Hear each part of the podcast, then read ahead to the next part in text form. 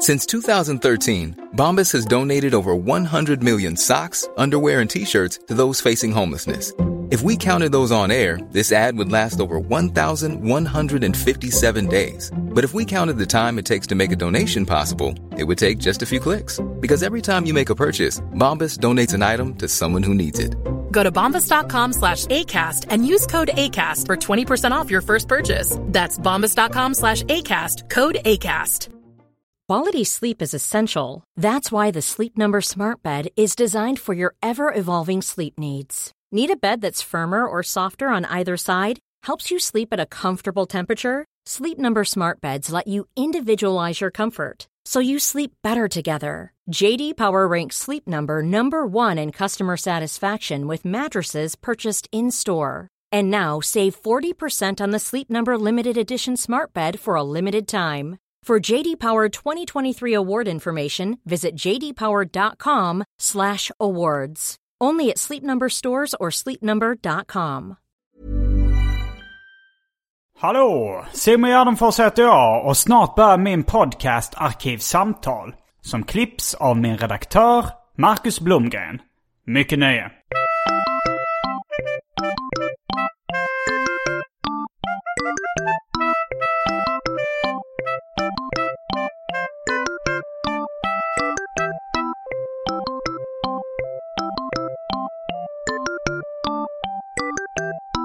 Så, hej och välkomna till den här roliga podden.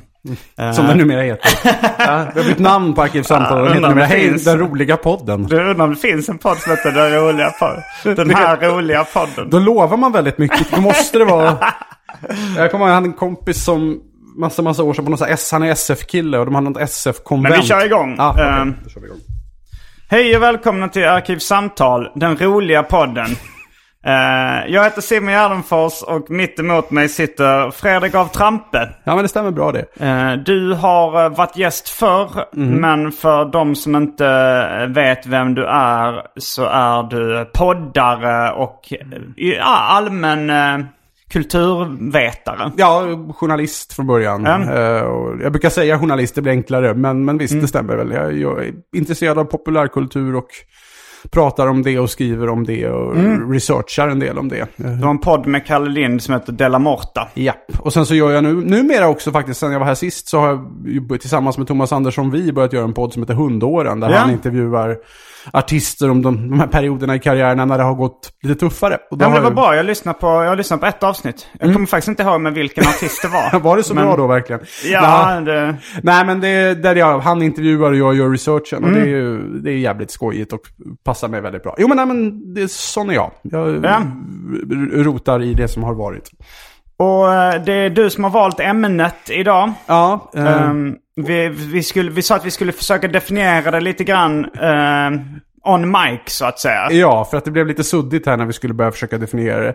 Mm. Eh, nej, men vi ska väl prata lite om Kevin Smiths filmer och då tyckte jag att men då kan man begränsa det till de här View Universe-filmerna som jag känner att jag har koll på. Mm. Men sen så att det, jag har egentligen bäst koll på de tre första. Det är ju de som Ja. jag tycker mest om. Men sen så har jag Och det är alltså Clerks, Mallrats och Chasing Amy. Precis. Det är de jag har bäst koll på också faktiskt. Ah, ja, men då så. Då, då kan det ju finnas viss tendens att samtalet kommer kretsa där omkring. Ja. Men i in dit räknas Sen gjorde han ju också då filmen Dogma 99 och filmen Jay and Silent Bob Strike Back. Eller Stjärnor utan och hjärnor de som heter i räknas till View SQ. Det gör de. Det gör och, de. Men gör inte Clerks 2 det? Jo, eh, alltså för jag tror att egentligen var det sagt att alltså, Jay and Silent Bob Strike Back slutar med att Gud, som spelas av Alanis Morissette, för Mm. övrigt en av, all, efter eftertexterna så dyker hon upp och smäller igen den stora View Universe-boken. Okej, var vad, vad är, man ska bara eh, definiera ordet eller eh, analysera ordet mer. Men det här, eh, vad, betyder, vad betyder SQ? Bra fråga. Det borde jag naturligtvis ha kollat. Men det jag tror att View SQ, det betyder att det är lite skevt. tror jag Man- tror en, skev, en skev. En skev syn. Ja, ungefär. Snedtänkt. Ja, men, ja, men vad fan. Ja, det hade jag tänkt. Men det, det är ungefär det, ungefär det det är. Ja. Eh, Men, och det kallar han sitt eh, filmbolag också va? Ja, VUSQ Productions, precis. Mm. Kevin Smith, född 1970. Eh, han har fyllt 50, herregud. Om Kevin Smith har fyllt 50, det måste innebära att jag också har blivit lite äldre. Men Nej. Kevin Smith också, ska jag bara nämna till protokollet att en stor anledning till att den här podden finns. Jag lyssnade väldigt mycket på eh, Smodcast som var hans podd. Han har, har, tror jag fortfarande tillsammans med sin producent Scott Mosier. Men jag tror dock inte han är producent i hans filmer längre. Nej, det är han nog Scott inte. Mosier. Men, eh, men de... Men de, jag började lyssna på den för kanske tio år sedan. Mm. För jag kommer ihåg att Kevin Smith var eh, 40 då. Okej, okej. Eh, och då tyckte jag att så här, fan, det var en, en stor inspiration också till liksom personlighet. Att, man, att han kunde vara så tramsig och ha så mycket kiss och bajs och sexhumor. Eh, och, och vara så fjantig liksom när han var 40. Tänkte jag, för jag var, jag var väl liksom eh, 32 då kanske. Och, eh, och tänkte väl att ah, men det är fan vad skönt att man kan vara sån och ändå komma undan med det på något sätt. Ja, Eller, liksom, jag, brukar var- lyssna på gamla, jag brukar lyssna på gamla intervjuer med Kjell Höglund från när han var 40. Och när, Mm. de gångerna jag känner att fan vad håller jag på med? Varför har jag inget riktigt jobb? Varför är jag en sån jävla uh, konstig weirdo som inte följer uh, get with the program liksom? Mm. Men det, då lyssnar man på de där intervjuerna ah men det Kjell Höglund älskar jag och han är också så här. Då, då, då, då var det väl när han var 40, då är det väl helt okej att jag är det nu i Ja. 36. Ja, Eh, men, så då, men den eh, Smodcast inspirerar mig till att starta podden Arkivsamtal. Då. han har haft hur många poddar som helst. väl? Ja, sen när jag började lyssna så fanns bara också. Smodcast. Sen Ja. började liksom eh, Jay and Silent Bob Get Old som han gjorde då med sin eh, kompis och skådisen eh, Jason Mewes. Precis. Som spelar Jay i filmerna. US Universe egen lilla bög-Jimmy. Ja, precis. Ja, och, ehm, och sen så startade han ju Hollywood Babylon som jag lyssnat väldigt mycket på. Som handlar om liksom, film och eh, nöjesbranschen i USA. Eh, och sen, har, sen slutade jag lyssna liksom, efter, efter ett tag. Eh, Då var det så att man jag har lyssnat över hundra avsnitt av Smodcast och ganska mycket av de andra också. Och liksom, sen började man kunna alla stories. Han, han, upp, han skäms inte över att, ha, att upprepa liksom, anekdoter och sådär. Aha, det gör nog jag lite grann. Alltså när vi gör De La Morta så klipper jag... Jag klipper inte så jäkla mycket i De La Morta. Jag har insett att en del av liksom charmen med det Mm. är det associativa flödet med mig och Kalle. Och de som, de som gillar det vill ha mycket av det. De som inte gillar det lyssnar ändå inte. Det är numera helt och hållet en betalpodd ändå. Mm. Alltså, folk, de, för det mesta folk kan folk bara bli glada när programmen är långa och det är mycket associationer. Och jag vet Mm. att vi kommer ju liksom touch base på samma sak. På, Mm. olika liksom, grejer inom vårt referensbibliotek. Eh, och, Men- och, nej, men om, om jag vet, men, och det, och det är okej om man liksom snabbt refererar till någonting som man har nämnt förut. Men om man börjar dra samma historier lite för mycket, det är Ja. lite Om man håller på i två, tre minuter med en historia som man hade för tio avsnitt sen, då är jag lite sådär, Jag, jag nah. skulle gissa på att jag har spelat in runt tusen timmar podd nu. Mm, ja, det låter inte orimligt. men, och, så det är ju anekdoter som har upprepats ganska många gånger vissa. Ja, men det har också hållit på lite längre. Alltså, det, om man tar den här liksom, såna glas har vi hemma-historien. Den är ju fantastiskt rolig. Den är, det är kul att bli påmind om den. Men det hade varit lite jobbigt om du hade dragit den i avsnitt 10 och sen avsnitt 13 och sen avsnitt 20. Nu kanske det är att du drar den i avsnitt 10 och sen avsnitt 90. Då funkar det ju på ett annat sätt. Ja, men, ja, ja, den där gamla goa. Ja, den hade man glömt av. Ja, det är nästan, alltså med låtar kan man ju höra hur många gånger som helst. Mm. Standardrutiner, om de är bra kan man höra ganska många gånger men man tröttnar efter ett tag. Och så här poddanekdoter har väl en viss, ett visst shelf life också men... eh, men eh, ja, de, de, ja, jag tycker, kan också tänka mig att höra någon igen. Eh, Nej, ja. men om, åter, om vi bara ska åter till US Universe. Jag tror att tanken var nog lite att stänga, att stänga igen den, den dörren i och med Jay and Silent Bob Strike Back. För vilken film kom efter det? Var det Jersey Girl? Ja, det var Jersey Girl. Och den blev totalsågad och, Ja, och, och han jag- blev hånad för den. Alltså, man kan fortfarande höra eh, i hans poddar, jag, jag kommer ihåg eh, John Lovitz, Mm. gammal SNL-stjärna och senare liksom... Det var inte igår man tänkte på John Lovitz. Ja, Jag har upptäckt faktiskt honom genom eh, Kevin Smiths poddar. okej. Eh, för han, för de, de började, de, han har en sån John Lovitz stand-up theater eller liksom någon sån här där de började ha Hollywood Babylon live. Sen blev de ovänner med honom, jag tror de började bråka om pengar eller någonting. Men, eh, men då var han, när liksom, han var vikarie där ofta, John Lovitz, han hoppade in. Han är ju då också skådis i, men han är med i lite maffiafilmer och han är med i eh, Happiness bland annat också. Just det, det är han. Och, och han är liksom, men jag insåg hur rolig han är. Men han är väldigt, eh, han är väldigt uh, roastig och ganska bitsk och ganska taskig i sin humor. Men då kommer jag ihåg det var någon gång eh, han tyckte att Kevin Smith hade förolämpat honom lite i podden. Alltså så- att han hade väl skämtsamt uh, roastat honom eller dissat honom för någonting. Och då så, eh, och då så sa han, eh, Eh, jo, men han har, gjort, han har regisserat en film som heter Cop Out också som jag tror... Eh, Ja, just eh, det. vad heter han? Die Hard-stjärnan? Bruce Willis? Bruce Willis i Just det. huvudrollen tror jag. Men då, då så var det så att han skulle verkligen gnugga in hur... Eh, alltså så här och så här. Ja men Kevin Smith tog upp någonting negativt som han har gjort och så han. Yes, but you did Cop Out. And Jersey Girl. Att han skulle liksom verkligen, det skulle göra så ont att han bara blev påmind om den filmen som blev en sån flopp. Det blev en så kallad KS, konstig stämning. Okej. Nej, nej, åh gud, det låter ju lite jobbigt. Nej, men jag, jag, Har du sett Jersey Girl? Ja, jag har sett Jersey Girl. Jag såg den faktiskt i jobbet. Jag var, när jag var, typ, den kom när kanske jag var 19-20 och jag var en ung, fräsch filmjournalist. Och jag gillade ju verkligen det Kevin Smith hade gjort. Men jag gillade inte Jay and Silent Bob Strike Back. Och jag tyckte Jersey Girl var hemsk. Och där någonstans tappade han lite mig. Eh, och jag har egentligen aldrig riktigt hoppat på det igen då. Även om jag då såg, nu inför det här så såg jag Clerks 2. För det kom alltså en Clerks 2 2006. Mm, den tyckte jag var ganska bra. Ja, jag blev... Kanske till och med på ett sätt bättre än Clerks 1. Alltså den är proffsigare och Ja. tajtare och, och sådär. Alltså Clerks 1 är ju i mångt och mycket en amatörfilm. Mm, vilket också ger den en särskild charm. Mm. va? Som de andra filmerna kanske inte har på samma sätt. Men View Askew, vet du, View Askew Universe. Ja. Det, det ska då vara universumet där liksom Jay och Silent Bob och de karaktärerna från Clerks lever i.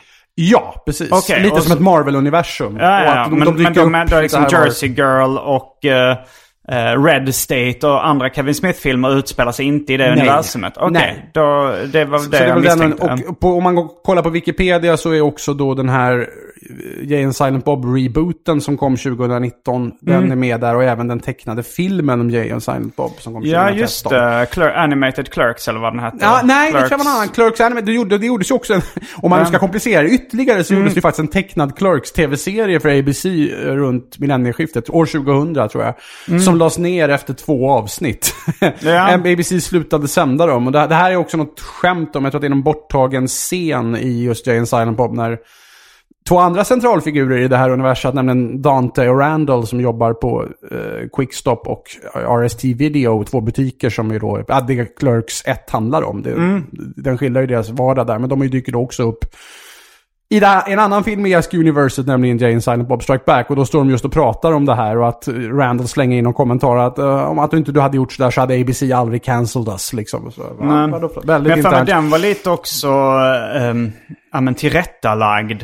För att eh, ABC ville inte att det skulle vara så grovt. Alltså så som att uh, Jane Silent Bob är väl då knarklangare i, i de vanliga filmerna. Men Ja. i, eh, i de tecknade är de mischief makers. Precis, och det roliga var att ABC hade inte fattat det. De var de enda i hela världen som inte hade fattat att Jay and Silent Bob var langare. Mm. Åtminstone har Kevin Smith beskrivit det så att vi hade möte och bara, men du kan ju inte ha langare. Men Jay and Silent Bob är langare. Men jag, inte, jag tänkte nog inte på det. Alltså först, jag, jag, när, när kom Clerks? De. eh, 94. 94. Då, jag var inte jättegammal då. Jag var väl liksom... Eh, vad, vad kan jag varit jag är född 78? Då var du 16. 16. Jag såg nog när jag var 16-17. Eh, och jag kommer ihåg, jag fattade, det, jag fattade nog inte att de var knarklangare. Nej, det, det jag- ju inte, görs ju... Det är inte så tydligt. Nej, det är inte Och jag supertydligt. tror, jag tror, till, med, jag inte tror inte jag fattade heller att, att det var två olika butiker det handlade om. Jag tror jag, jag, jag bara tänkte, ja men här, de jobbar på olika skift i samma butik. Ja, det, det är ju samma hus, det är väl det. Mm. RST ligger på Ja, baksidan ja, ja. eller ja, något sånt där. Men, ehm, eller hur det nu är. Jag, jag blir, blir osäker. Men det för- känns lite som att vi kommer, eh, det finns en risk för att glömma eh, ett visst inslag. Ja, det har du alldeles rätt i. Så nu har det blivit dags för det omåttligt populära inslaget Välj drycken.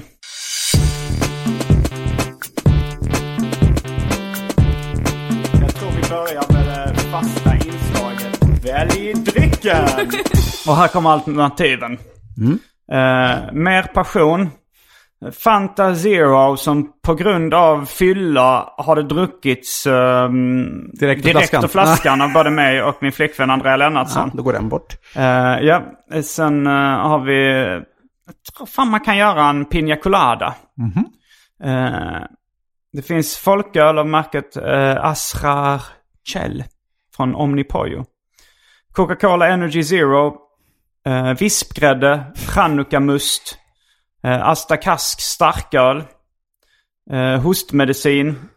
Nicka Whiskey from the Bottle, Amarula Cream, Bacardi Rom, Ananasjuice, Bullet Bourbon, Passoa, Grand Mariner, Absolut Vodka, Organic Vodka, Jocktran tranbärsdryck, Häxblandningen, det vill säga alla drycker som fanns i min kyl innan den genomgick en så kallad corporate rebranding. Och för tråkmånsar och nejsägare, vatten.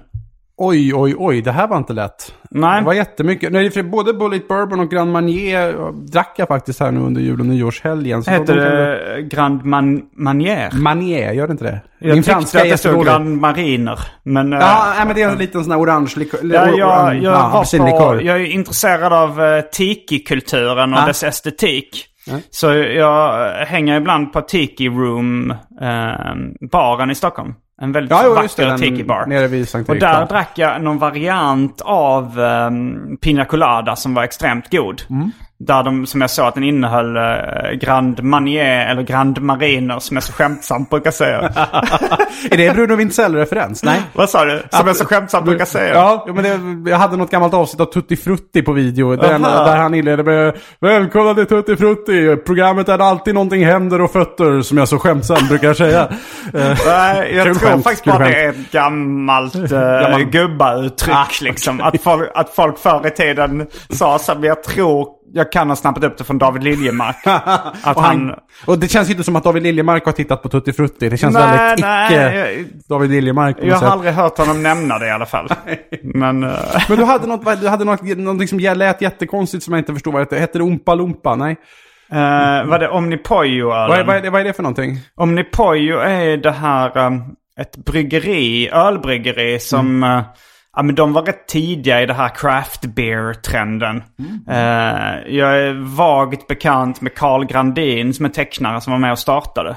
Okej. Eh, från illustrationsbyrån Vår. Mm. Och han har också varit med och tecknat eh, Cheap Monday-logotypen. Om jag inte har helt fel för mig. Men, men de har ett väldigt, ett bryggeri som det går väldigt bra för som heter Omnipojo. Och de har börjat göra folköl också. Och det heter Azrachel, tror jag, den ölen. Det låter ju lite som katten i Smurfarna. Alltså Gargamels katt. Heter inte den Azrael? Det gör han nog ja. Mm. Just det. Det heter också för övrigt Demonen som Jason Lee spelar i Dogma. Så knöt vi ihop den. Azrael? Han heter Azrael. Precis. Då och jag vet inte var det kommer från från början. Men eh, jag, jag gissar att Smurf-namnet inte är taget ur luften heller. Nej, antagligen. Det här är sånt som jag ska kunna. Eh, Mm, nej, men, men- det, nej, det är det väl rimligen inte. Det finns ju ett stort serieintresse från Kevin Smith. Så han har förmodligen läst Smurfarna och kanske fått det därifrån. Säkert. Men jag kanske ska ta den då, för det var sånt oerhört stort utbud. Svårt att välja. Men den, den lät ju spännande. Ja. Om man kan få lite vatten vid sidan om också. Det kan du absolut få. Eh, om det finns två sådana så tar jag nog också en sån. Mm. Men det kan vara att de börjar sina. Så vad tar du då istället? Eller blir det en av Europas många cliffhangers? Oh, det var länge sedan vi Ja, hade det uttrycket. jag tycker vi nästan måste ha den, alltså. Ja, då är det dags Fin- för en av Europas, ja, Europas sämsta cliffhanger kanske till och med. Finns det en eller två av Azrael Omnipojo? Och om det... Ja, nej, det ska ju bli cliffhanger Ja, då, vad, Ja. eh, vad jag tar ifall det inte finns fler. Um, Okej, men då är vi snart tillbaks med dryckerna. Kända från det omåttligt populära inslaget Välj drycken. Häng med!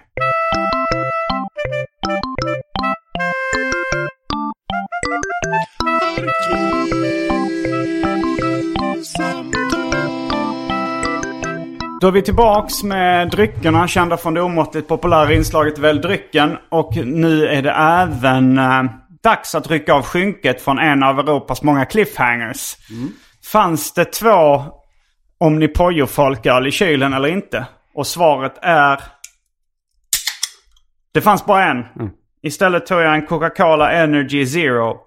High caffeine, guarana och B-vitamin. ja, men det låter väl det. Då ska vi ta och provsmaka här. Mm, Ja, den är den ganska välhumlad va? Verkligen, men ändå ja, mjuk i smaken och Mm, lite härligt fruktig. Medan du var och hämtade dryckerna så passade jag på att söka på Azrael här. Ja. Det är alltså enligt engelska Wikipedia The Angel of Death in Islam and some Jewish traditions.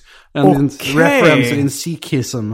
Men för, för det fanns ju ett rykte om att um, Gargamel i Smurfarna var en antisemitisk eh, judisk karikatyr. Ja. Och, det, och, och ifall han var, om hans katt heter då Azrael, som var, vad, vad stod Ja, det det? var någon sorts... Ja, men Den fan- judiska djävulen? Ja, Eller, liksom? men sorts, nej, dödsängel. Mm. ja, den, den islamistiska dödsängeln. eller judiska stod det väl? Ja, det precis vissa, vissa, ja, precis, vissa judiska Så jag, jag tror att det styrker caset om att uh, Gargamel är en antisemitisk stereotyp. Vi diskuterade häromdagen om filur i Pelefant är en antisemitisk stereotyp. Men jag vet inte, jag vet inte om det är att han har liksom lite... här Han har stor näsa. Ja, precis. Men det är nog bara att han ska se lite konstig ut. Jag vet inte. Jag tror inte Rune Andreasson jobbade med, med sådana grejer. Nej, alltså han... I och för sig skulle jag nog kunna tänka mig att han var... Eh, alltså väldigt mycket så här... Eh, Palestinavän som ibland spiller över lite i antisemitism. Ja, ja, ja. Alltså, lite den Lasse Hillersberg-grejen. Eh, Ja, kanske. Eh, det, skulle, det, det var nog vanligt i hans generation och, och liksom hans politiska sfär, Ja. ska jag gissa på. Jag pratar alldeles för lite om Pelefant nu för tiden. Det borde man ja. återkomma till. Det, det var ju en rolig karaktär. Det kan, vi kanske, nästa gång du kommer tillbaks så blir det Arkivsamtal med Fredrik Trampa om pedofant. Oh, då måste jag gå. Jag tror jag har kvar mina sista. Jag, jag läste ju Pelefant Emma tills den helt plötsligt inte gick att köpa längre. När de la ner den När där de la ner 93. den, ja. ja, någon gång. Helt man kom till Ica den där dagen när man brukade kunna köpa Pelefant. Och så fanns det ingen Pelefant. Känner du till eh, Christer Folin? Vad hette han? Christer Folin. Eh, nej. också känd under artistnamnet Folini. Nej, tyvärr. Det, det här blir ett Ja. ganska långt sidospår. ja, men det är väl, det arkivsamtal är väl sidospårens högsäte. Ja, det är det. Ihop med Nej, men, eh, det var då, eh, han var översättare för eh, eh, mycket serietidningar på 80-talet framförallt. Men eh, han kanske gör det fortfarande, vad vet jag. Mm. Plus att han var rockmusiker. Så liksom på SVT, innan det fanns liksom musikvideokanaler att få tag på i Sverige. Så ibland klämde de in en musikvideo, Ja, ibland liksom mellan eh, programmen. Och då var Folini där någon gång och liksom hade någon låt. Eh, och det var en jäkla exponering på den tiden. Ja, det var det. Fast jag tror inte Follinis karriär tog fart. Eh, han, var, han var fortfarande tvungen att översätta tecknade serier. Mm. Men han var väldigt rolig. När jag jobbade som serietidningsredaktör på Egmont serieförlaget så, så jobbade jag med honom också. Mm. Eh, han översatte nog lite Ernie och Larsson och sånt. Men, eh, men då kommer jag ihåg att, för när jag var liten och läste Spindelmannen. Eh, så var det liksom, då kommer jag ihåg att jag tyckte det var så himla rolig översättning där det var någon, eh, Spindelmannen skulle säga, alltså så här, eh, han var ganska säker på att eh, någon skurk, låt oss säga att det var Silvermane som gömde sig eh, någonstans. Och sa han, jag sätter mina sista pelefant på att Silvermane gömmer sig där inne. Gud vad bra. och det, det känns väldigt random. Där man bara kommer på att nu ska Pelefant betyda ägodel. dålig eller- serietidning. Ja, Ja. precis, precis. Ja, den, den är fan, den borde man ju... Men det var nog en, jag tror nog Folin hade någon hänga på att Pelefant var dålig. För att det var någon, alltså det är jag osäker på om han har översatt den serien. Men det var ett nummer av eh, när Don Martin hade en egen serietidning i Sverige. Det var den serietecknare som hette Lou Stringer som gjorde då Fredrik och hans finne och Acke Black och lite andra Acke serier. Black kommer jag ihåg. I de vagt, så då måste jag också ha bläddrat, måste ha bläddrat i den i alla fall. och han gjorde en, en sida som parodierade eh, seriesamlande. Eh, och då kommer jag ihåg att det liksom, för det var, det var ju så, det, det, en av de bästa mint condition är ju då, fast det så, liksom, så var det så att de beskrev mint. Eh, en sån där, så, så var det liksom skämtsamma beskrivningar. Så, så mint, en sån där vit pastill som smakar tandkräm. Och stod det near mint, serietidning som legat i samma ficka som minten. Och sen så var det liksom Poor var det sämsta kvaliteten. Och då var det alla nummer av Pelefant oavsett skick. Gud, jag, alltså, jag har ju inte läst sedan 93. Det, men det, eftersom Lou Stringer och eh, Marvel-författarna eh, är amerikaner slash engelsman. Ja. Så, eh, så, så är det ju säkert Christopher Folin som har en hänga på att Pelefant är roligt eller dåligt. Jag vet inte. Och sen var det fan en bild, en tecknad bild. Fast det måste ju vara tecknad av Lou Stringer där, där det är liksom en nummer av Pe- Pelefant. Så står det Pelefant, kokainkungen. Väldigt otydligt skämt. Jag minns bara någon, här, någon gammal bit i blandaren där eh, Pellefant och Filur tar livet av den här husmusen eller vad han heter. Det, det är en Pip. mus. Pip heter han ja. Det är, det det är två möss. Det är en, en mus i Bamse och en mus i Pellefant. Lätt att blanda ihop. Mm, han är Eh. väldigt lik. eh. Ja, men att eh, jag kommer mest ihåg att Pip ber för sitt liv och säger att jag vet att under er hårda yta så är ni snälla egentligen. Och Pellefant säger bara äh, knip brödmusen och punga ut med lullullet. Och sen slår han ihjäl eh, Pip med en musfälla och går därifrån och säger han dog som en svag stackare. Eh, och halsar sen en öl som han köper för Pips pengar och säger shit, dödsskönt, i var, Eh, vad, vad, vad sa du att det var blandaren? Ja, nej, eller om det rent nu blir ännu smalare. Nu blir jag tror det var Bruks till och med. Den Ah. tidningen som kommer ut i samband med karnevalen uh, vart Jag fjärde minns år. tidningen uh, Toddybladet som jag, jag tror uh, liksom... Det är någon skånsk Ja, det är en. Lunda-grej.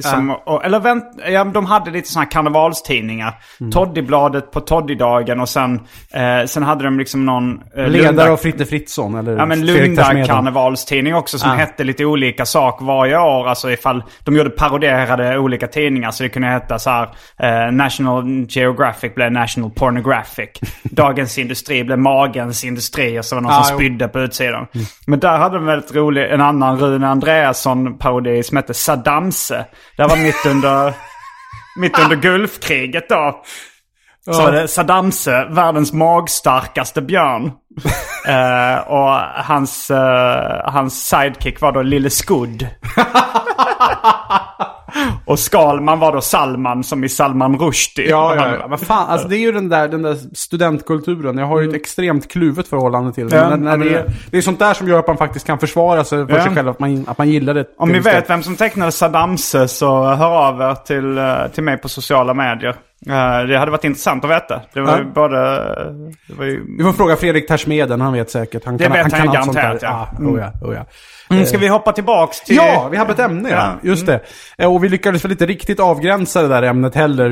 Eh, Ja men om vi, om vi, om vi liksom säger View Eskew-universumet och framförallt Kevin Smiths tre första, första. filmer. Ja, för man kan ju se, jag tänkte, jag såg nämligen om Chasing Amy, den tredje filmen, igår. Och jag noterade där, de, där är det en scen då där Ben Affleck och Joey Lauren Adams bråkar om att hon har haft sex med, med eh, två snubbar. Och eh, Ben Afflecks rollfigur... är- Coe London. Coey London, ja precis. Svenskättling alldeles uppenbarligen med tanke på. Och Rick Darris. Och det, men där har vi tydligt, Rick Darris är en figur som är med i Clerks och som sen nämns i flera av filmerna. Men det jag framförallt noterade är att ja, Joey Lauren Adams säger, ja, men vad, vet du vad du inte visste? Jag har också haft sex med Shannon Hamilton och jag har haft sex med Gwen Turner. Och du radar upp det där. Och Shannon Hamilton och Gwen Turner är två andra figurer i US Universet som spelas av Joey Lauren Adams och Ben Affleck, fast i Mallrats. Så Aha. det är ett internt skämt. Hon refererar till figurer som de två har spelat och som hon säger att jag har haft sex med båda. Eh, ja. Så det, det finns den typen av liksom, det, det är så det hänger ihop. Men vi kan ju börja med Kevin Smith då som sagt. Eh, född 1970 och eh, filmskapare och ja, lite allmän medieskapare, men framförallt filmskapare. Och uppvuxen i New Jersey. Eh, Har du sett The Snowball Effect? Ja, det här har jag gjort. Det är då en dokumentär om uh, tillblivelsen av Clerks. Just det, hans första film. Som Eh, såg ja, det är en ganska spännande historia. Han gick väl någon liksom filmutbildning i Kanada. ja, i Vancouver, precis. Var, var, kommer du ihåg varför han åkte till Kanada? Ja, det gör jag. Därför att han ville inte gå... Det här var liksom en utbildning som tryckte ihop. Det var inte en tre, tre eller fyra års utbildning som de flesta andra filmutbildningar var. Utan det var ett år eller två terminer. Och han tyckte att eh, ja, men det blir bättre för han hade ingen lust att gå tre, fyra år. Dessutom hoppade han av efter halva eller någonting. Ja, för han insåg att jag kommer kanske inte nödvändigtvis få gjort det jag vill få gjort bara för att jag går den här terminen. Och nu har jag liksom lärt mig tillräckligt. Hans tanke var att jag går, från början var det att jag ska gå den här ettåriga utbildningen och sen kommer jag, då lär jag mig hur man ställer in en kamera och hur man rattar ljud. Och då kan jag lära min kompis Vincent Pereira och min kompis Head Habstack hur, hur man gör. Så kan de göra det och så gör vi, gör vi en film. Men det var också på den utbildningen han då lärde känna Scott Mosier som blev Precis. hans producent och, och poddkollega sen. Ja, och som verkar ha varit lite mer av, vad ska man säga, om, eh, om Kevin Smith är liksom Tyresö så är Scott Mosier mer Karlaplan. Får man lite av ett, ett intryck av i alla fall, att han är lite mer så här. Och jag har inte riktigt koll på, alltså är det en klass, eh, klassfråga då? Du, eh, Tyresö Ah, okej, versus kanske Karlaplan? inte Tyresö, men, men alltså, eller jag säger mer Tumba jag tänker då. att båda två är hyfsat rika, eller? Jag tror inte att Kevin Smith Nej, kommer från en Tumba är jätterik lite familj. fattigare. Tumba är och- lite fattigare men ändå någon sorts medelklass. Tror jag. Nu tror jag sig att han, Kevin Smiths pappa jobbade på posten. Så det, det där kanske jag ska vara lite försiktig med. Men, Mm. men jag får intrycket när man så ser dokumentären så är det verkligen att Kevin Smiths första intryck när han ser Scott Motion är Oh what a pretty boy. Product in his hair. Precis, precis. Brukar han nämna. Nej, men han, får jag, en, får jag lite feeling av i Mm. alla fall. Nej men det stämmer. Och de, de blev kompisar och gjorde någon deal om att okej, nu kommer vi, vi skriver varsitt manus och den som, den som blir klar först, då får den andra komma och jobba på dens film. Mm. Så hjälper de varandra med sina filmer. Exakt. Jag, jag har inte sett den filmen som uh, Scott gjorde. Gjorde men- han det? Jag vet inte om han, den, den ens blev gjord. Nej, osäker också. Ja. Eh, nej men, men eh, Clerks blev ju skriven i alla fall. Och Mm. Kevin Smith hann klart först och då kom Scott Mosher och producerade Mm. den. Och, då, och han jobbade då, Kevin Smith, på... Hette affären Quickstop som han jobbade på också? Den heter Quickstop. Det, det tror jag han gjorde även i verkligheten. I, I... Uh, uh, New Jersey. Och, och, och var det... Vad hette staden i New Jersey som han... eh, Oh, ja. Är det Leonardo eller Middletown? Det vet jag, minns jag inte. Men de heter någon. Det Mm. finns ett Leonardo och ett Middle, Middletown. Jag tror att det är Leonardo. Um, mm, och han jobbade... eller Highlands rent av. Highlands tror jag nog. Ja, det, det, det, låter mest bekant. Ja.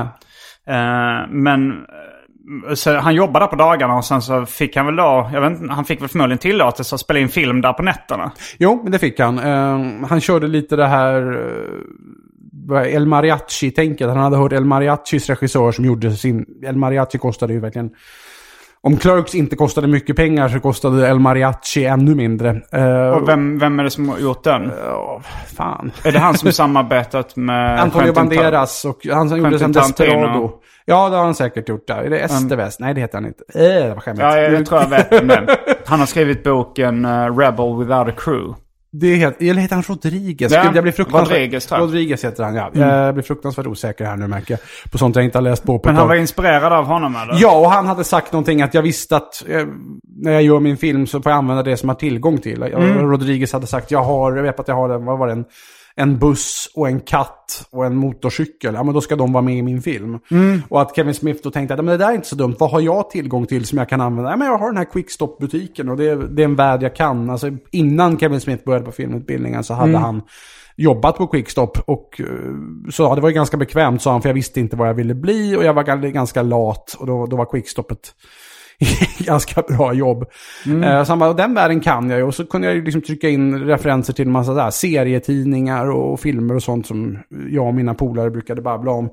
Så jag lyfter, jag gör det, jag gör en film om, om jobbet på Quickstop och så lyfter jag in det som jag och mina polare brukar prata om i den här filmen. Och det, där har man väl liksom fundamentet för Clerks, även om det också är ganska mycket centralt i den här historien är då just eh, Dante som är huvudfiguren. Eh, Som är, är har- väldigt mycket av just Kevin Smiths osäkerhet.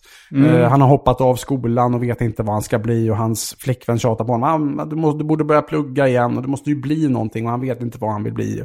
Det är en och det lång var scen i mycket- början när han pratar med sin flickvän. Just det, Eh, Veronica. Vilket jag tror uh, var, alltså så här.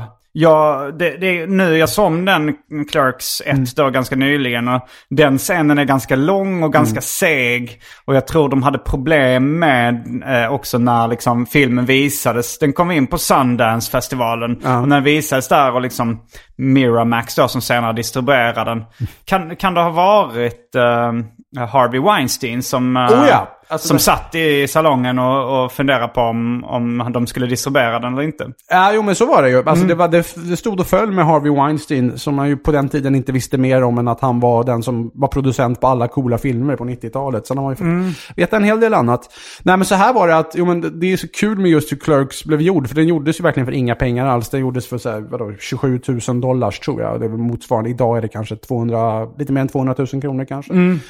Man ska komma ihåg att på den här tiden gick det ju inte att filma på digitalt eller video och, och sen kunna visa. Utan det, det som kostade var väl liksom 16 mm film och kamerahyra och klippbord och ljus och ljudutrustning och sånt där. För Mm. all, alla jobbade ju gratis. Eh, och sen skulle den visas på någon sån här lite independent festival på Angelica i, i New York. Där, ja, ja, men liksom Mm, det var den ändå en typ- festival. För jag trodde det var en, att de hade en egen visning. På någon Nej, det var en del av en festival, men det var just den sortens film. Alltså, Mm. amatörgjorda längre filmer. Lite mer ambitiösa amatörfilmer, eller vad Mm. man ska säga. Får, får man intryck av i alla fall när man ser den här dokumentären. Och de ska ha en visning och då har liksom, som Scott Mosher beskriver det, de har sin visning på söndag, sista dagen. Mm. Och hela veckan så har det varit lite sådär, ja men det finns några filmer som är ungefär som deras och det har varit trekvartsfullt i alla fall. Mm. Och sen kommer de in där på söndagen och väntar sig att, ja men här, nu kommer vi komma till den här trekvartsfulla salongen Mm. och vi kommer vara där, vilken jäkla grej det kommer bli att se oss på, på stora duken. Och så är det ingen där, det är liksom två, tre personer där. Och, Mm. de, och, de, och Kevin Smith är så här, helvete, han hade då maxat ut sina kreditkort för att få råd med att göra den här filmen. Han bara, helvete, hur ska jag kunna betala tillbaka de här pengarna? Det kommer ju aldrig bli något. Och så har han den sån här enorma turen att en av killarna som sitter, en av de få externa så att säga, som sitter i publiken. en Kille är lite smickrande för den ser ut Ja. som en lastgammal gubbe. Bob Hawk, eller Bob Hawk. Okej, han, verkar, ja. han verkar oerhört... Han har också någon liten, så här, lite konstig cameo i, i Chasing Amy där han sitter och skrattar. Han verkar vara en oerhört lite så här... Han, han har ett märkligt sätt i alla fall som person, men verkar vara en sån som ser till att det händer saker. För han såg den och tyckte att den var jätte, jättebra och så skickade han någon, det vidare till någon journalist som i sin tur tipsade någon annan journalist och så började det här, snö, snöbollen rulla då. Jag tror till och med att Bob Hawk var en sån som brukade rekommendera filmer till Sundance. Alltså Så att, kan det eh, nog ha varit, ja. Eh, och... eh, Och på Sundance så blev den eh, något av en hit. Ja, Alltså men- det blev en snackis där. Folk tyckte den var kul och... Ja, Ehm. men, men det roliga är just det här du pratar om början av filmen. För att det var någon sån här producers rep som tyckte att Clerks var jättebra och försökte lansera den för Mm. Harvey Weinstein. Någon visning, kolla på det här. Och Harvey Weinstein var kanske lite svårövertalad och tyckte inte, jaha, vad fan är det här? Och så ganska tidigt i filmen så är det ju då en, en lång en kille som kommer in och börjar propagera mot att man ska röka och lyckas liksom få en hel mobb att kasta sina cigaretter på, på Dante och skrika cancer merchant, cancer merchant. Vilket jag för övrigt tror var Kevin Smiths liksom, ståndpunkt när det gällde rökning innan han skrev manuset. Eh, Sen skulle han ju spela rollen som Silent Bob. Och då var han tvungen att röka, vilket han inte hade gjort tidigare. Eh, men då i och med att han spelade rollen som Silent Bob och hela tiden rökte on screen så blev han beroende och blev rökare. han har väl lagt av nu, men så kan det gå. Nej men i alla fall, och Harvey Weinstein var inbiten rökare och tyckte att vad fan. Han var liksom motvillig till en början och så kommer det här långa grejen om att man inte ska röka. Eh, Och så reste sig Harvey Weinstein och gick därifrån. Jaha, så han på- gjorde det? Ja, han gjorde det. Så att Sundance var verkligen sista chansen och då var det så att jag tror att den här producers-reppen och någon till, för det var andra på Miramax som tyckte, Mm. och det har, säger Harvey Weinstein i dokumentären också, de unga hippa killarna, de tyckte ju att den var jätterolig. Det var bara den gamla gubben som inte fattade något. Så då sätter de sig så att Harvey Weinstein sitter i mitten och inte kan gå På därifrån. en ny visning. Ja, på de i- försökte få honom igen. Precis. Och så var det så här, eh, jag för mig en, en dag liksom på Miramax som ville att den skulle bli av sa så här, just wait to 37. Wait to Ja, just det, 37. just det. Eh, för det är då ett, kan, kanske det, det roligaste också enligt mig skämtet i filmen. Just det, jo, men det, Eh, ja. och som har dock blivit också en klassiker för, för Kevin Smith. Han har typ en jacka där det står 37 på ryggen och sånt där. Men, ja, men det är då att... eh, eh, jo men det är hans flickvän, Dantes flickvän som, som eh, de pratar om hur, eh, hur många de har haft sex med. Och hon försöker pressa honom på hur många han har haft sex med. Och hon tycker att hans siffra är lite för hög. Jag kommer inte ihåg hur, mycket, hur många han har legat med. Ja, men Eh. 12 tror jag. The illustrious 12 tror jag han nämner. Och hon har legat med, säger hon först, bara tre. Uh, Vad var så? The Illustrious 12? The är, det, Illust- ja, är det referens till någonting? The Illustra 12? Ja, men nej, det är väl bara att det ja, de är de illustra 12 som han har legat med. Jag tror det är Ra- Randall som säger det om, han, om de tjejerna han har legat med. The illustrious 12.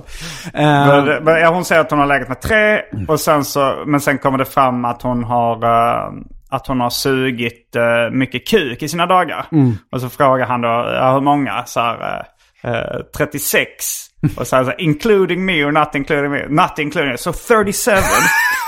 Så you sucked 37 dicks. Ja, vad är det med det? Det väl- det är ju inget konstigt med det, tycker hon då. Och, men han blir väldigt upprörd över det. ja, han blir mycket, mycket mer upprörd Ja. över det än, än vad hon blir över hans... Och sen, eh, och sen så kommer hans kompis in, eller eh, jag vet inte om det är bara någon random... Nej, det är en totalt random Ja. snubbe som kommer in och han bara skriker åt honom. My girlfriend sucked 37 dicks. Och han säger in a row.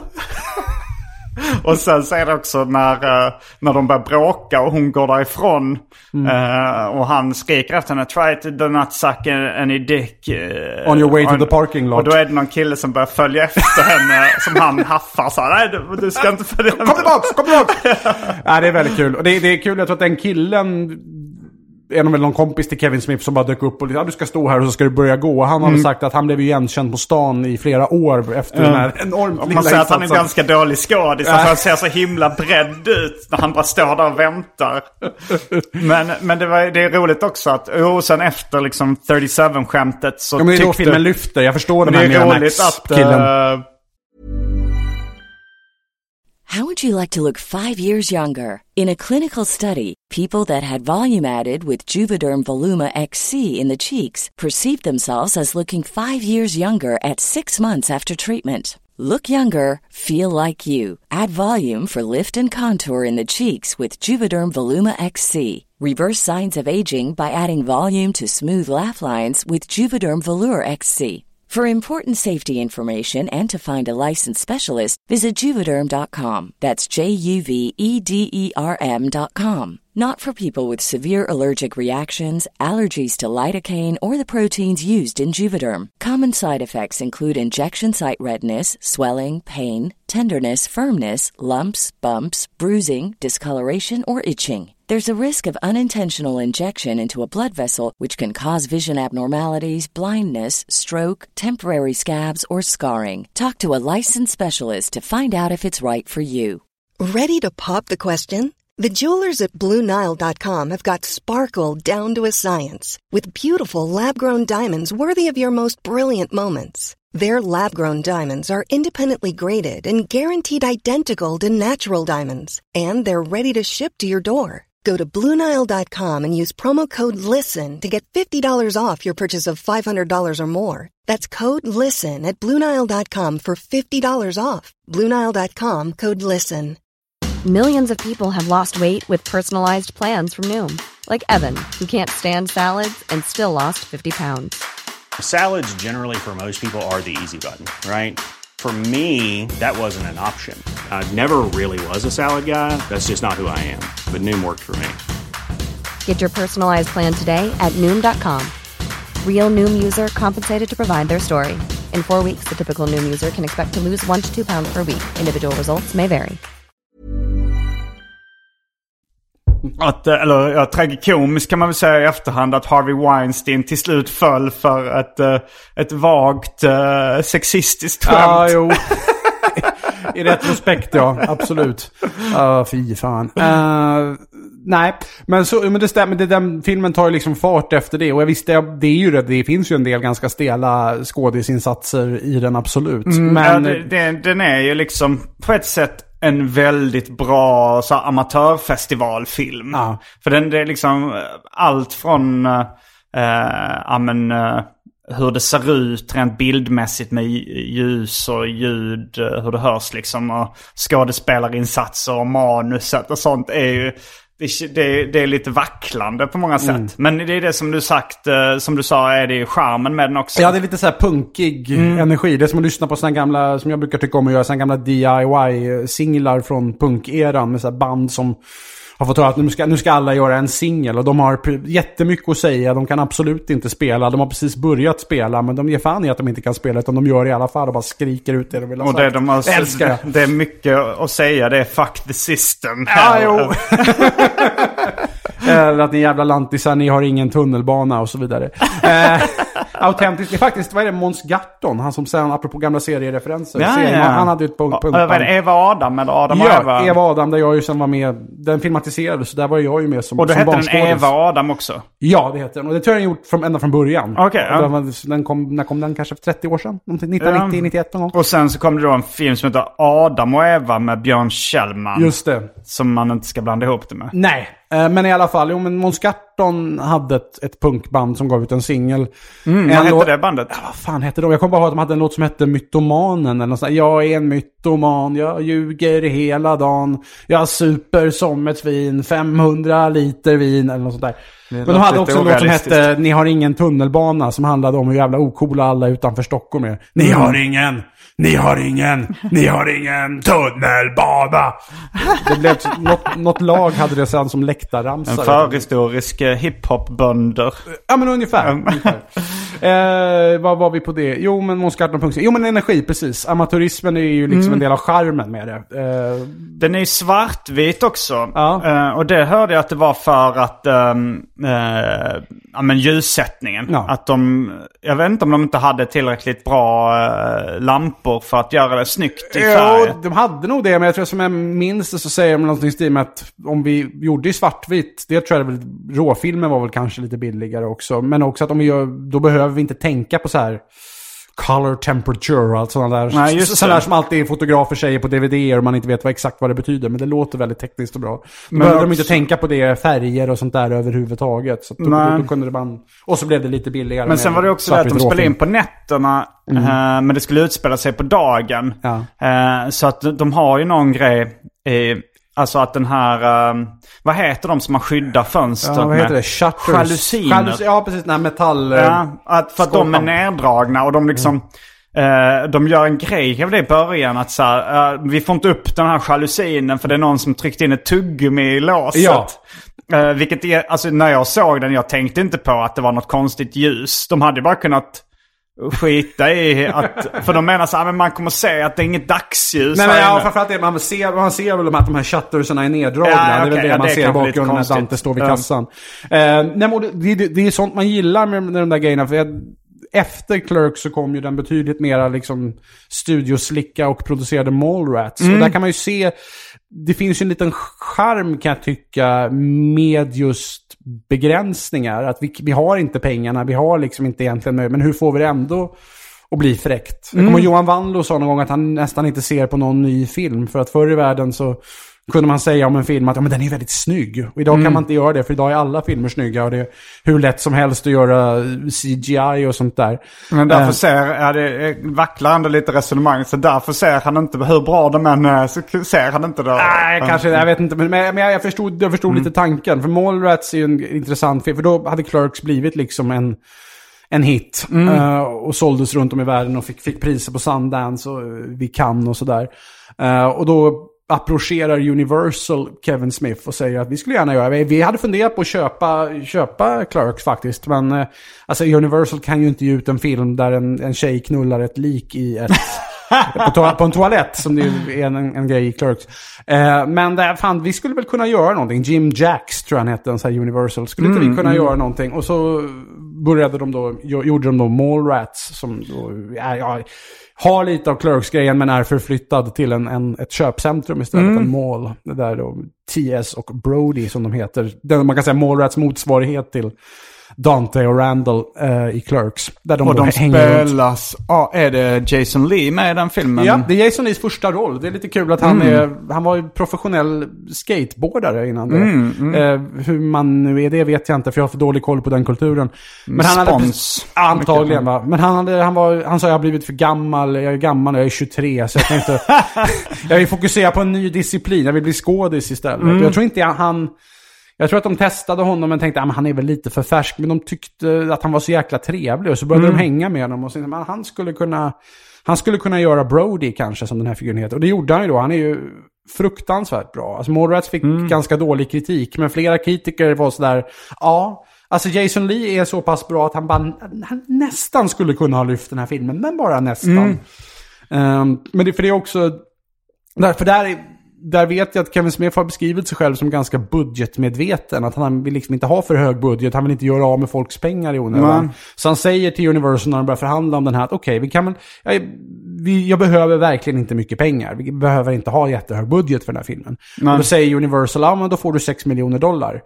Oj, säger alltså, alltså så, så mycket behöver jag nog inte. Nej, men säger Universal att du kan inte göra en riktig film på, på mindre än 6 miljoner, miljoner dollar. Det går inte. Jo, säger Kevin Smith, jag gjorde ju Clerks bara 27 000 dollar. Ja, men det är ju ingen film. Det är ingen riktig film, ingen så. riktig Ja. film. Eh, och och det, det är ju lite intressant. Alltså, Clerks, alla de här tre första filmerna har ju samma director of photography, David Klein. Och ingen av dem är ju särskilt snygg. Men i, i Clerks är ju liksom fulheten och det här lite så här nästan Roy Anderssonska långa tagningarna på bara två huvuden. Det är ju, det är också som sagt, en del av amatörismen och därmed en del av charmen. Va? Men i Mallrats så ser man att det är ungefär samma estetik fast med 6 miljoner dollar inpumpat. Och då blir det på något sätt ännu fulare. Eh, den ser, det- även om det är så här nu 25 år senare så är det ganska skojigt som tidsdokument. För det är, väldigt, det är typiskt mitten av 90-tal. Och det känns som att den estetiken fanns fasen över hela världen. Jag är ju uppvuxen i, ute i Vaxholm ute i Stockholms Alltså estetiken som i Må, nej, i mål, nej, men i målestetiken. Alltså, Ja, jag, ja, ja. Täby Mm. centrum brukade jag hänga i. Eh, det, det, och det, såg, det såg ungefär ut som det gör när man ser Mallrats. Fast Mallrats var i Mm. Men du gillar inte den estetiken? Mm, nej, jag kan ha någon sorts nostalgisk eh, koppling till den. Men jag tycker, nej det, det är inte riktigt min, eh, det där Men- plastrosa. Nej, det är inte riktigt min... Ja, men jag det är lite så jag gillar att, jag gillar ju Tiki eh, principiellt och i teorin. Men sen, jag vet inte om jag skulle kunna inreda med Tiki. Så det, blir- det blir liksom inte vackert hur, fascinerad jag än Tycker du inte. Tiki Room är vackert? Eh, jo, fan. Det tycker jag. Eller jag tycker, Tiki, nej, jag tycker Tiki Room är härligt i, i teorin. Mm, Eh, och det är kul att gå dit som en upplevelse. Men jag, jag insåg när jag försökte köpa hem sådana här Hawaii-muggar att jag kommer inte dricka ur de här. Det blir för, liksom för, opraktiskt. Man måste nästan gå all in då. Ja, man måste det. Och, och det kan inte jag riktigt göra på just Tiki. Men det är ju lite andra, alltså budgeten kan vara lite, för det är lite andra kända skådisar i Mm. uh, Mallrats. Det är ju Shannon Doherty som spelar Brenda i Beverly Hills tv-serien. hon var nog också lite en sån där förutsättning för att det skulle bli gjort. När hon sa Ja, ja, att- så sa Universal, ja men då så. Ja. Då, då öser vi här. Men jag tror att, eh, då, att eh, Kevin Smith tyckte att hon var jobb, besvärlig att jobba med. Det Alltså, har man väl lite förstått. Jag tror hon fick i och för sig foten från Beverly Hills 90210 för att hon var för jobbig att jobba med också. Så kan och det kanske ha varit, Och då var det ändå säkert välbetalt och statusfyllt medan det kommer en ny spoling liksom. Så är hon säkert ännu mer arrogant mot... eh, Ja, det kan man nog föreställa sig. Jo, jag, jag vill minnas att det framgår mellan raderna lite så på kommentarspår eller om det är någon making Mm. of dokumentär. Man förstår att det var, det var inte liksom det bästa working relationshipet. Eh, nej, men det stämmer. Och, eh, men sen är ja, hon är ju med. Hon är väl verkligen den stora stjärnan där. Mm. Eller ja, för dig och mig är det kanske mer att Stan Lee dyker upp som sig själv. Det, Ja, en cameo. Ja. Ja, det är ganska tufft också. Men, att, men annars var Ben Affleck som ju spelar skurken då, den tidigare nämnde Shannon Doherty som också då refereras till i en av de andra filmerna. Ehm, han var ju ganska färsk. Vad hette han sa du? Shannon... Eller vad, nej, vad säger jag? Nej, Shannon Doherty heter ju... Det är Brenda. Det är. Brenda, skådespelaren. Nu de... Shannon Hamilton heter Okej, rollfiguren. Så, var- nu rör jag till det jättemycket Mm. för er kära lyssnare. Jag beklagar det här, det var liksom rörigt till att börja med. Men Ben Affleck, han var inte jätte... Han var ju inte en stor stjärna då. Nej, jag tror att de precis, han och Matt Damon, det här, ja, den, spelades, den kom 95 och spelades, började väl göras där 94, 95 någon gång. Då hade han och Matt Damon hade precis sålt manuset till Goodwill Hunting. Men sen så åkte det runt lite mellan lite olika filmbolag, det blev krångel. Så det dröjde ju tre år innan den filmen kom ut. Vilken tidig Ben Affleck-film är det han går runt med en sån här pin där det står “Too drunk to fuck”? Det är någon sån lite slacker-aktig film. Ja, ja den ja. Känner du igen det? Ja. Det är inte Clueless, nej. Vad heter det? Nej, det är det inte. Äh. Men eh, ja, det, det, det behöver vi inte gå in på nu. Nå någonting ska väl eftersnacksgruppen Ja. ha för också. uh, nej men just det, för, han, för han gör en ganska tidig roll där ja. Mm. Och det var kul också apropå, för Jay and Silent Bob är ju lite av en gemensam nämnare för nästan hela Viewers Universe, de dyker ju alltid upp. Det kanske, Ja, näst, och det kanske är där då vi Kevin har... Smith som spelar eh, Silent Bob och eh, Jason Mewes som spelar Jace med hans sidekick. Och de... Precis. Ja, men det, det, det kanske man det kanske kan förenkla det så pass. Det är de som är liksom den gemensamma nämnaren för hela Viewers Universe. Ja. Eh, Det blir väl lättast så. Men det, det är också väldigt... Att, Och de är inte med i um, uh, Zack and Miri Make a Porno.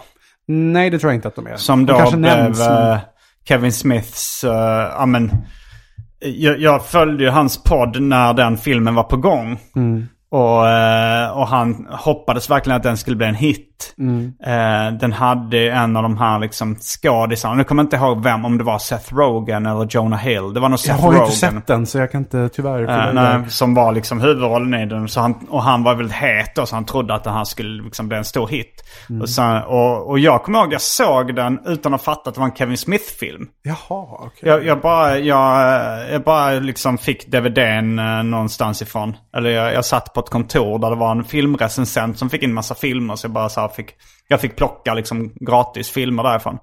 Eh, och så såg jag den och sen bara, vad fan, Jason Mewes. Jag har aldrig sett honom i någon annan film än en Kevin Smith-film. Men vad kul att han har fått lite andra roller. Ja. Och sen tror jag det var Hanna Fahl som berättade att "Ja, det är en Kevin Smith-film. Jag bara, "Va? Det Ja, fattar hon är ju inte jag." stort Kevin Ja. Smith-podd-fan också. Mm. Jag tror hon gillar hans filmer också. Det var Ja. så hon började lyssna på podden. Men... Nej men för Jason Mewes var ju då gammal kompis till, det är också återkommande i de här filmerna att hans polare, Kevin Smiths kompisar dyker upp i lite olika roller, eller refereras till i väldigt smala internskämt. Eh, och Jason Mewes var ju gammal kompis med Kevin Smith och figuren Jay skrevs väl enligt Kevin själv för att jag, han, tyckte jag måste visa för världen hur rolig Jason Mewes är. Jag har väl tänkt många gånger att är det sådär Jason Mewes är i verkligheten så skulle inte jag orka med honom mer än fem. jag gjorde ju lumpen med några sådana figurer. Det var liksom de där som tyckte att det var skitkul att spela innebandy i korridoren och ha sönder en lampa hela tiden. Ja. Det var liksom, det var inte så, det är inte så jävla roligt. Men Nej men Kevin Smith har ju väldigt så här eh, pubertal humor. Och, eh, och han tyckte väl det var, alltså han berättade när han första gången han, han eh, träffade Jason Mewes. Jag tror det i skolbiblioteket eller något uppehållsrum eller något sånt där. Och att han kom in då i rummet och sög av allting som, inom räckhåll. Alla dörrhandtag, alla flaskor, alla lampor och alla... Ja. Allting, och att han tyckte det var så roligt. Så den här killen måste jag bli kompis med. Men sen sa han att det tog ett tag att, att få honom att, att bli sig själv på, eh, på, framför kameran. Det är också jävligt roligt ja, att han skriver rollen åt... Han skriver rollen till Jason, till Jason. Det här är ju du. Och Jason Mewes bara, ska jag säga det här? Varför ska jag... Varför ska jag säga snoochie boochies? Ja, så jag kan, varför brukar du säga snoochie boochies? men ska du filma det här? Ska jag säga det här? Ska jag stå och svära? Och ska jag säga det här? Det här är ju det du... Det är ju du för fan. Ja, men jag vet inte. Ja, men jag, tog jag, kan, eh, jag kan, den självmedvetenheten är rätt vanlig. Jag märker Ja. att ifall jag bjuder in någon som är lite knasig till arkivsamtal så ibland så stelnar de till liksom och så här, blir lite för självmedvetna. Ja. Ehm, Bara för att du säger det nu så blir jag lite mer stel och självmedveten. Fan. Eh, vad var vi någonstans? Jo, nej men, det, nej men det är ju, och det är skojigt också då, apropå just Mallrats, att eh, där skulle då Jason, Jane Silent Bob komma tillbaka, men filmbolaget gillade inte Jason Mewes. Eh, Aha, men han är väl med i han Mallrats, är med, men det var, det var verkligen att... eh, jag vet att de film... Han som sen spelade Austin Powers... Eller vad säger? Mike Dr. Myers. Nej, Mm. Dr. Evil i Austin Powers spelas, spelas ju också av Mike Myers. Men han som spelar hans son, Seth Green tror jag han heter. Ja, Seth Green, ja men Ja. han... mm, Han var inne på audition på Mallrats och liksom tänkte, jaha vad kul, spela för en roll. Och bara, men Jay? Ska jag, varför ska inte Jason spela Jay? Jag vill inte spela Jay, det är ju Jason som ska spela Jay. Jay är ju Jay, han är ju rätt Jaha, de ville, filmbolaget ville ha Ja. Seth Green Ja. i... Eller någon, och även någon annan sådär sm- sm- småningom ganska känd, eller lite, redan då lite halvkänt löfte togs in. Och de alla så här, varför ska jag, vadå, varför ska ni inte ha han som är han? Ehm, och att tydligen till slut gav filmbolaget med sig, okej, okej, vi- du får liksom, okej, du får ha din news, men då får du, då får du liksom betala hans resa dit och vi, han får vara med i några dagar. Och om vi inte gillar hans första tagningar, hans första dailies, så att säga, då slänger vi ut honom och så får du plocka in Seth Green. Eller något sånt där. Eh, men tack och lov så gillade de honom utav bara fan. Och sen byggde de hela filmens, i och för sig ganska taskigt genomförda marknadsföringskampanj eh, på just eh, Jay och Silent Bob och Snoochie Boochies. För mig, Mallrats har ju mycket av det där, det är ju när, när eh, Kevin Smith skulle pitcha det till Universal så sa han men det här är lite som Clerks, but in a mall. Eh, Och det finns ju mycket av det att eh, T.S. och Brody går runt och pratar ganska mycket om superhjältar, könsorgan och, och sånt där. Men, också, men det finns ju, det, det som jag gillar mest med den är liksom mer slapstick-grejerna. Och där är ju då en central grej är att Jay och Silent Bob ska försöka förstöra en scen som har byggts upp där i den här uh, målen. Från början tänker de bara göra det för att de tycker att det är kul. Eh, what, what else are we gonna do? Men också sen visar det sig att eh, det här kan hjälpa deras kompisar T.S. och Brody om de gör det. Och där är återkommande liksom stora eh, blåa kartor som Jay gör med hur Silent Bob ska liksom svinga sig in med ett rep och ha sönder den här scenen. Han misslyckas varenda gång. Och, det, och de blir jagade av, av uh, polis. Mycket Batman-referenser också. Att de blir jagade av uh, polisen. Men det visar sig att Silent Bob har en sån här grappling gun gömd i sin arm och kan liksom skjuta iväg en, en lina så att de kan hissa upp sig i taket och komma undan polisen. Det tycker jag är jävligt skojigt. Mm, Ehm, Gillar du uh, Mallrats? För jag tror Kevin Smith själv är lite nu i efterhand. Hörde jag någon podd han sa att han inte tyckte den var så bra. Jag tror att han har gått lite fram och tillbaka där. För jag, när jag, jag har tittat på lite artiklar och YouTube-klipp. Jag tror att det har varit lite fram och tillbaks för hans del. Att han perioder inte alls har gillat den och perioder han tycker att den är väldigt bra. Nu så är det tydligen planerat att det ska komma ytterligare en, en Mallrats-film här. Jaha, Ja, ja. Senast eh, som man sa så är att den ska komma någon gång nästa år. Men jag vet inte hur långt de har kommit med den. Har, var det Clerks 3? Har- Är det på gång eller? Ja, har det har också Mm. varit på gång ett tag. Mm. Så jag vet inte, jag har ingen närmare inblick i hur det går med det. Men jo, det har också pratats om. Men det är väl kul att den är ju, Mallrats är också intressant just för att alla filmbolaget trodde så mycket på den. De tyckte att den var så bra och var så övertygade om att den skulle bli en hit. Nej. Och Kevin drogs lite med i det där. Att han ringde då den här Jim Jacks efter premiärhelgen och var sådär. Hur, mycket, hur gick det? Hur gick det? Ja, säger Jim Jacks, vi drog in eh, 400 000. Oj, säger Kevin Smith. På vilken bio? Nej, det var allihop. Oj, Jaha. jävlar. Var det, var det så lite? Ja, tydligen. Och, Nej, för jaha, sig, men- det var, det, jag tror... eh, för den, och den, då gick den upp på ganska många biografer. Men, men eh, kritiken var ganska el, liksom otrevlig, eller elak var den kanske inte. Men de sa att det var någon som, jag tror vad heter han, Kenneth Turan eller vad han heter, någon sån här stor filmkritiker skrev att om Sundance, någon, någon som ska ordna, någon som gör en kurs för independentmakare vad man inte ska göra som sin andra film. Då skulle man kunna ha Mallrats liksom, at the heart of its curriculum. Eh, och det, det tog ju ganska hårt på Kevin Smith vet jag. Men att den här Jim Jacks i det här samtalet sa okej, det, här, det här gick inte men folk kommer att fatta den med tiden. Jag tror att Kevin Smith själv sa någonting sådär att eh, 1995 så var det liksom så att då var min värld att man pratade om Stan Lee och gjorde referenser till Marvel-serier och sådär. Men det var min värld, det var inte världen i övrigt. Och sen gick det tio år och så helt plötsligt hade hela världen kommit ikapp min värld och började prata om Stan Lee och Marvel-serier.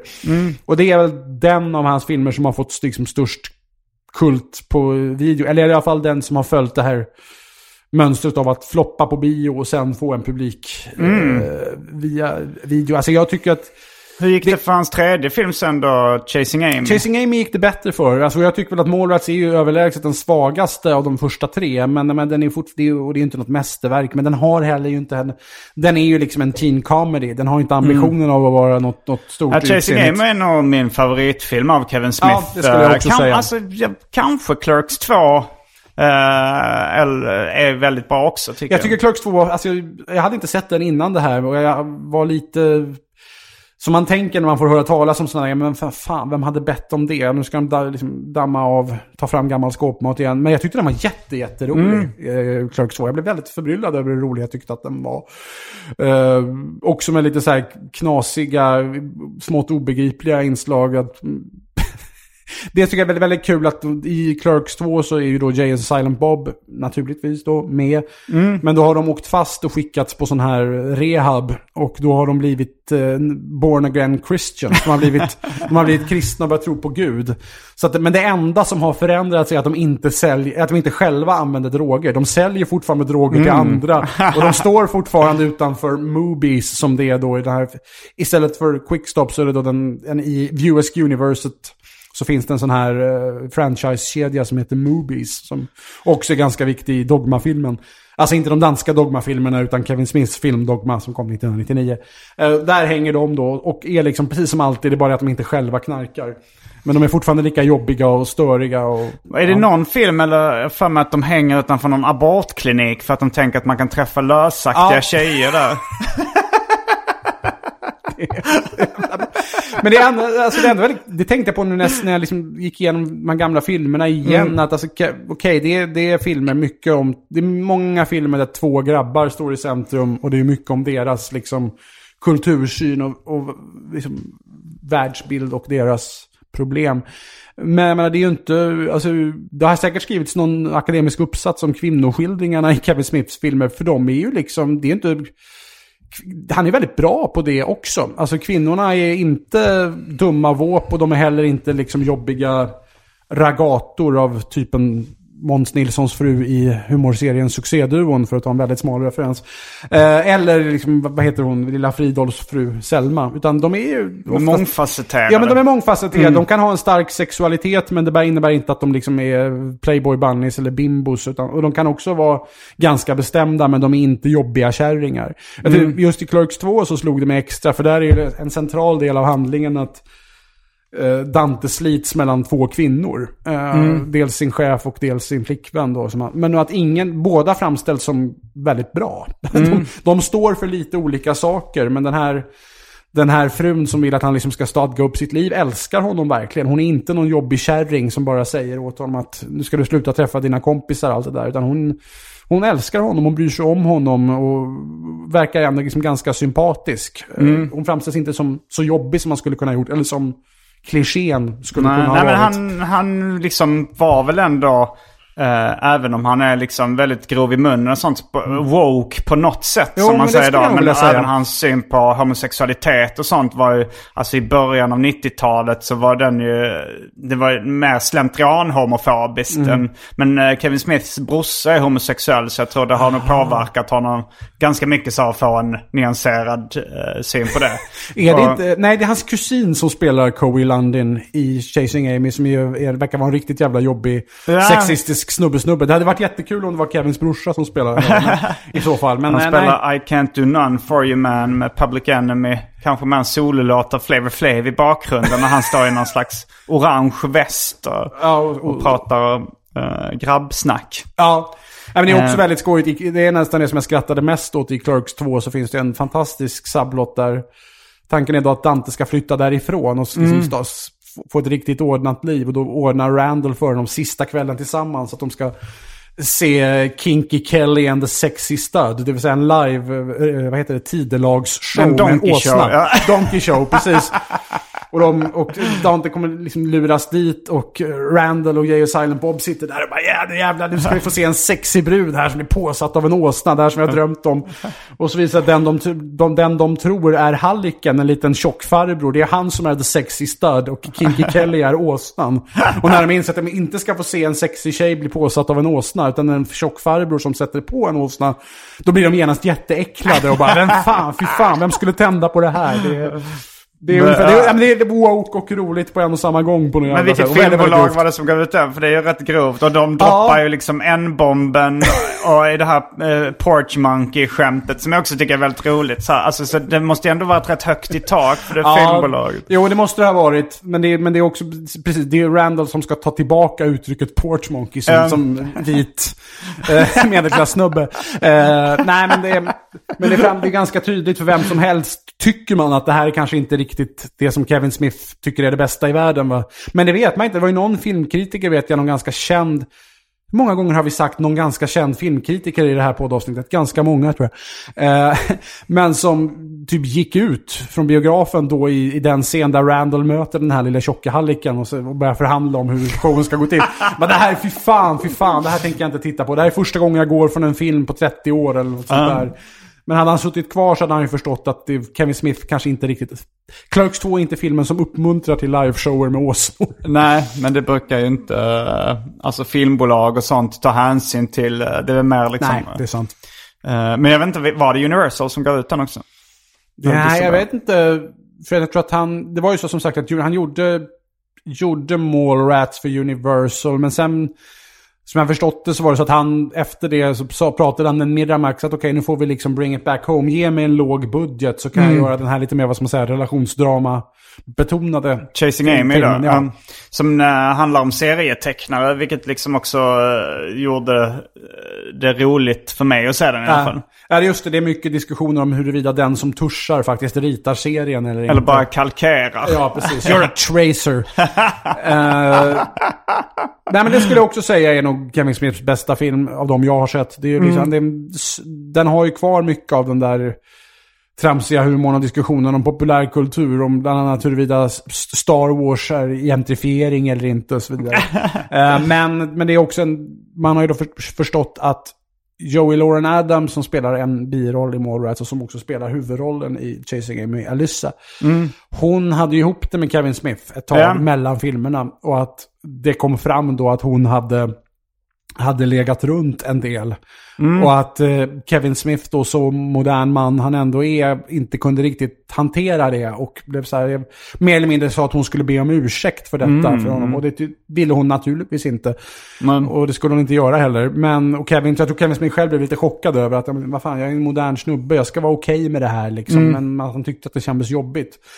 Och det gjorde han den filmen där ju just en sån grej är ganska centralt för handlingen.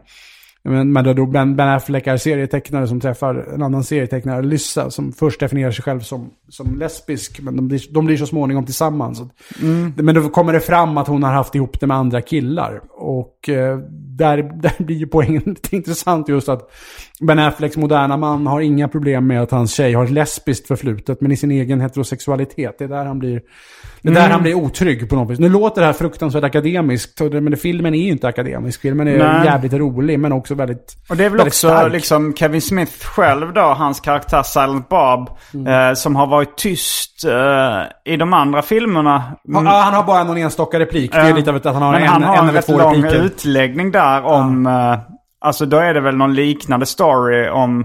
eh, En tjej som heter Amy. Ja, och, och där, det är därför att det är ju det är bara från den storyn som namnet heter, Chasing Amy. Ja, han säger så, you're chasing Amy och så drar han en parallell till någon liknande story i sitt eget liv. Mm. Jag vet inte om det om han då drar storyn om, som bygger på Joey Adams. Det Eller, är inte helt omöjligt. Men- Jag minns att han skriver någonting i, i Criterion-DVDn som jag köpte med Chasing Amy. Det gjorde man på den tiden, i början av 00-talet. Eh, Och där skriver han någonting i förordet om att jo, men det var en... Det var inte... det, Joey Lauren Adams hade inte varit runt lika mycket som Alyssa i min film hade, men... Men- Det, hade, det hade varit en hel del aktiviteter. Ehm, mm, Nej, men men- eh, vi kanske ska säga hej då till gratissakarna nu. Okej, så då, då får Patreon-lyssnarna få betala för att vi pratar om de filmer som vi har sämst koll på. Uh, nej, vi kan prata, vi kan, vi kan prata lite löst. Det brukar vara lite lösare i ramarna eh, på Patreon-avsnittet. Då är det så här, eh, I och för sig var det väldigt löst i ramarna. Vi hade ju en kvart om Pelefant i mitten någonstans. Well, ja, jag, jag, tror att, jag, tror inte, jag tror inte att lyssnarna klagar. nej, det gör de inte. Förhoppningsvis inte i alla fall. Varje vecka så släpper jag numera ett bonusavsnitt av Arkivsamtal som är exklusivt endast för Patreons av podden. Om du donerar en valfri summa per avsnitt så ligger det över 25 exklusiva avsnitt och väntar redan som du får tillgång till. Så det är klart värt det. Om du bara vill stötta den här podden så kan du också swisha en slant till 0760 72 47 28. Det kan behövas, för det är ganska osäkert hur det blir med gig framöver. Den här informationen finns även i avsnittsbeskrivningen. En sak till. Glöm inte att följa mig på Instagram. Där heter jag atgardenfors. Eh, men eh, tack så mycket för att du var med. Eh, det var allt från den här veckans Arkivsamtal. Jag heter Simon Gärdenfors. Jag heter Fredrik av Trampe. Fullbordat samtal. Snuggins.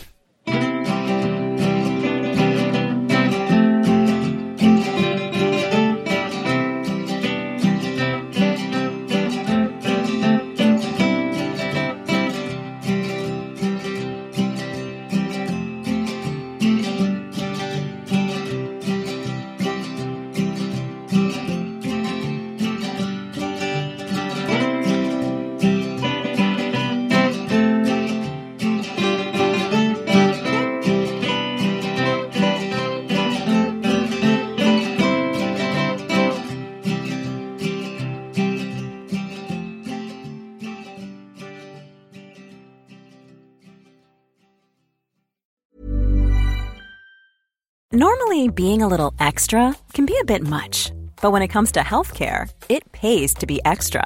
And United Healthcare makes it easy with Health Protector Guard fixed indemnity insurance plans. Underwritten by Golden Rule Insurance Company, they supplement your primary plan, helping you manage out of pocket costs without the usual requirements and restrictions like deductibles and enrollment periods. So when it comes to covering your medical bills, you can feel good about being a little extra. Visit uh1.com to find the Health Protector Guard plan for you. Mom deserves the best, and there's no better place to shop for Mother's Day than Whole Foods Market. They're your destination for unbeatable savings, from premium gifts to show-stopping flowers and irresistible desserts. Start by saving 33% with Prime on all body care and candles. Then get a 15-stem bunch of tulips for just $9.99 each with Prime. Round out Mom's menu with festive rosé, irresistible berry chantilly cake, and more special treats. Come celebrate Mother's Day at Whole Foods Market.